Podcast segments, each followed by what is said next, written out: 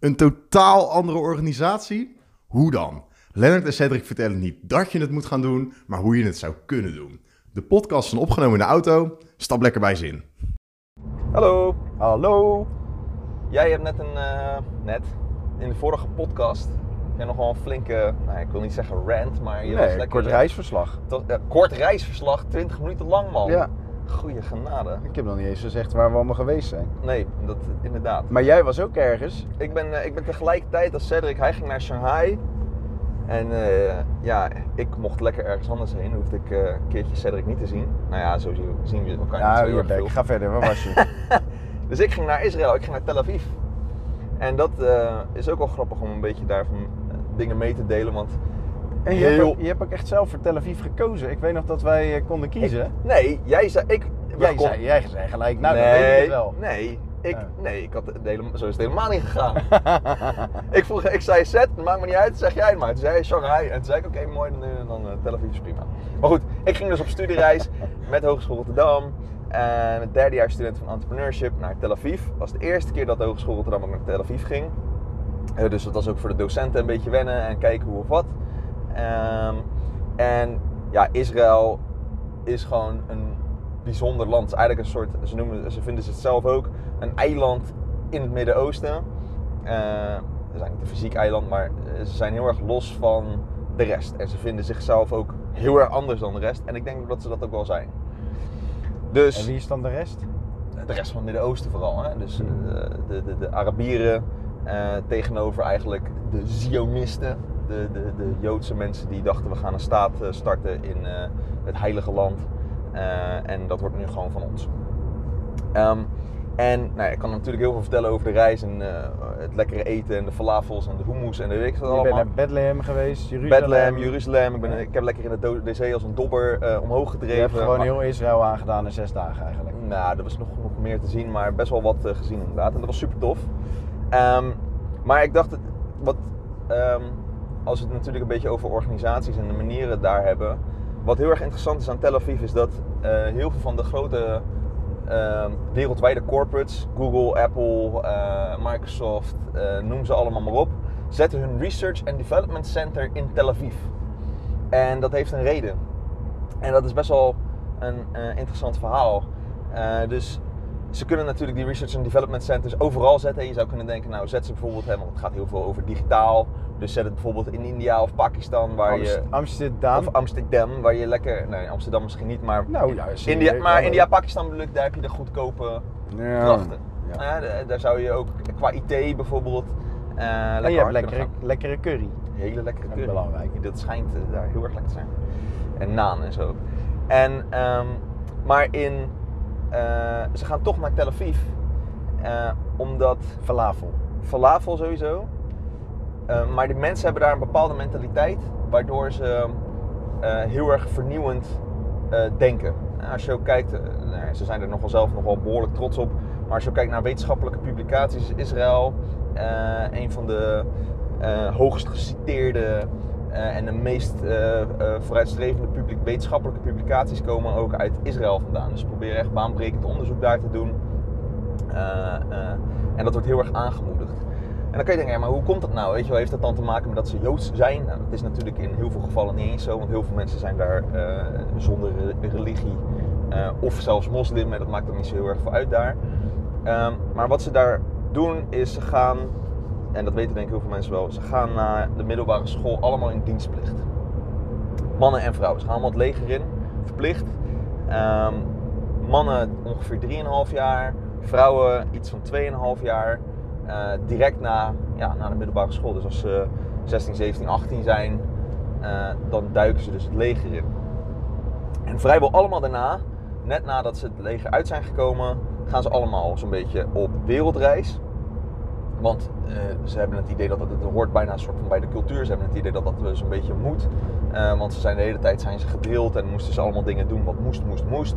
En nu wilden ze dan, hè, willen ze van de vrijheid genieten. Dus nou, ze gaan lekker in Amsterdam lopen, eh, lopen roken. Ze gaan in Colombia lekker lopen, snuiven. Weet ik van wat ze allemaal doen. Maar in ieder geval, eh, ze gaan even los in, eh, in dan een half jaar of zo. En daarna gaan ze studeren. Dus dan zijn ze 21, 22, soms 23 wanneer ze starten met studeren. En dat geeft ook een hele andere vibe, want ze, zijn dan ze hebben al veel meer bagage mee, ehm, eh, ervaring, weten dus al iets meer wat ze willen. En als ze dan gaan studeren, eh, nemen ze, doen ze vaak twee studies. Dus ze hebben vaak meerdere diploma's. Ehm, en ze worden altijd eh, een beetje, ze worden heel veel een beetje richting het IT-gedeelte geduwd. En dat heeft, vooral in Tel Aviv. En dat heeft te maken met dat dus, het echt een soort start-up cultuur daar heerst.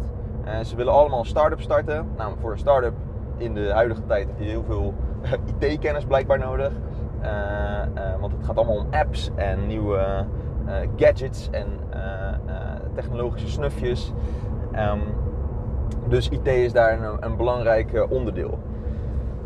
En dat start-up gevoel is een heel erg belangrijk onderdeel van hun leven. Want ze hebben natuurlijk in het leger gezeten. Er gebeurt wel eens wat in Israël, zeg maar. Het is niet alsof het een heel mega veilig land is. Hoewel ze het een beetje zo doen overkomen. Ehm, maar eh, eh, ja, ze maken wel eens wat mee. En dan maakt het niet zoveel meer uit wat je daarna doet. Weet je, dan ga je maar op je bek. Lekker boeiend. Ik bedoel, het is beter dan doodgaan. Mhm. Eh, dus wat is nou een start-up opstarten en dan falen?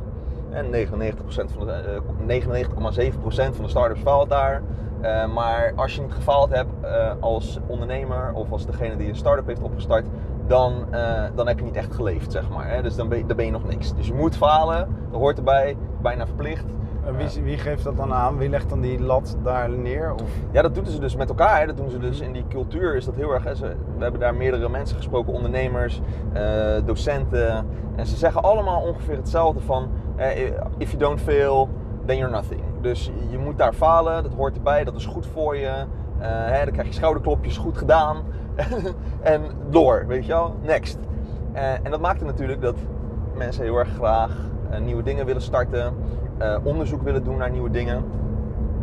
En dat is heel erg interessant. En ik kom dus heel erg, en dat zeggen ze zelf ook, en ik geloof dat ook wel, dat komt dus heel erg ook door die dienstplicht. Want who cares anymore? En dat vind ik wel een interessante mindset die ze daar ontwikkelen. Nog even een side anekdote. Wat heel erg grappig was, was dat er, we gingen praten met een ja, restaurateur, iemand die, een, die wat horeca vestigingjes had in Tel Aviv. En die deed dat al meer dan 15 jaar. En die vertelde dat um, hij in zijn. Er gebeurt nog wel eens wat natuurlijk in Israël, wat ik zei. En hij moet dus rekening houden in zijn begroting met het feit dat er één à twee keer in het decennium iets gebeurt in Tel Aviv qua aanslag of, of dat er een dreiging is. En daardoor soms een jaar lang geen, weet je al, heel stuk minder toeristen komen. En uh, dat, zorgt er dus voor dat ja, hij moet daar gewoon financieel rekening mee houden, want hij weet gewoon dat het gaat gebeuren. En dan heeft hij gewoon een, bijna een jaar amper omzet. En dus dat moet hij allemaal meerekenen. Nou goed, daar zijn ze dus ook allemaal op ingesteld. Hè? Dus dingen die eventuele aanslagen die kunnen gebeuren of eventuele dreigingen. Dus daar gewoon normaal, lekker boeiend. Uh, dat gebeurt vaker. Um, Weet je, ze maken zich daar totaal niet, in ieder geval ze lijken zich daar totaal niet druk om te maken. Mm -hmm. uh, misschien maken ze zich er diep van binnen wel een beetje druk om. Maar ze doen echt alsof, ja, weet je, het hoort erbij. Uh, we, we, weten ook niet anders. Um, uh, we kunnen met die onzekerheid omgaan. En die... In hoeverre zorgt de staat voor zijn inwoners? Niets. Proberen dat zoveel mogelijk los te laten. Ook, ook op het moment dat die mensen zo lang zo laat nog starten met studeren en twee studies pakken? Want dan ben je toch wel tot aan uh, primetime ja, leven, 27ste. Nee, oké. Okay. Ben je, je, krijgt natuurlijk je zonder krijgt, inkomen. Nee, je krijgt natuurlijk daar, uh, je zal studiefinanciering krijgen en dat, wordt, dat wordt allemaal wel goed geregeld. want ja, je gaat toch in dienstplicht en ik weet niet precies of je nou tijdens je dienst dan ook eventueel wat verdient, wat je dus daarna kan uitgeven aan een half jaar reizen. slash daarna ook aan je studie. Maar goed, um, dat, daar worden ze best wel in voorzien. Dus uh, uh, ze komen op zich wel. Ja, het, klinkt, het, het, klinkt allemaal als, joh, um, de zekerheden moeten wel gigantisch zijn. Wil je zoveel zelfvertrouwen hebben om, om te gaan ondernemen, zeg maar. Hè? Dus, ja, ja, mwah. Zodra ze dan afgestudeerd zijn en ze komen dat in dat start, ja, dat is, weet je, ze, ze, het grappige is van zeker Tel Aviv, is dat daar ook zoveel, omdat daar zoveel start-ups zijn en omdat er zoveel research en development gaande, uh, centers ook gaande zijn. En er komen ook dus vanuit um, wereldwijd zijn zij een van de meest uh, geïnvesteerde uh, landen of plekken ter wereld. Weet je? Er mhm. worden ongelooflijke investeringen worden daar gedaan. Mm dus er zijn best wel wat jongens die daar met uh, flinke zakken met geld lopen. En wat ze ook vertelde, wat interessant was, dat ze zijn, ze noemen zichzelf een startup nation, maar ze lijken ook steeds meer te gaan naar een exit nation. Als in dat, ze, dat het lijkt alsof veel van de Tel Avivianen of Tel Avivers, hoe je het ook wil, bezig zijn met hun start-up snel klaar te maken voor een grote exit. En dan hebben ze het zogenaamd gemaakt en dan zijn ze klaar. Hmm. Nou, zijn ze daar een klein beetje van, eh, dat gebeurt veel. Maar ze zijn dat ook proberen, zelfs in het onderwijssysteem, daar heel erg ehm, de mindset in te veranderen dat ze dat eigenlijk niet willen. Eh, hmm. want uh, ze, komen, ze vallen gewoon in een gat. Heel veel van die ondernemers daar die een start-up doen, die hebben dan een exit, gaan ze naar de volgende start-up. Of worden ze een investeerder, zo'n angel investor. Dus er zijn heel veel landelijke angel investors, maar er komt ook veel investment van, vanuit buiten ongelooflijk veel naar binnen. Omdat daar continu dus bezig zijn met die start-up mentaliteit. Ja. Mm. En dat falen is niet erg. Ze worden opgevangen door familie en vrienden. En hup, ze gaan weer door. En dan verdienen ze helemaal geen cent. Lekker boeiend, gewoon doorgaan. Interessant allemaal. Ja. En wat zou de tip zijn voor Nederland? Nou, wat ik... Um, dus het interessantste stuk vind ik nog steeds die dienstplicht. En ik vind het ook wel heel erg...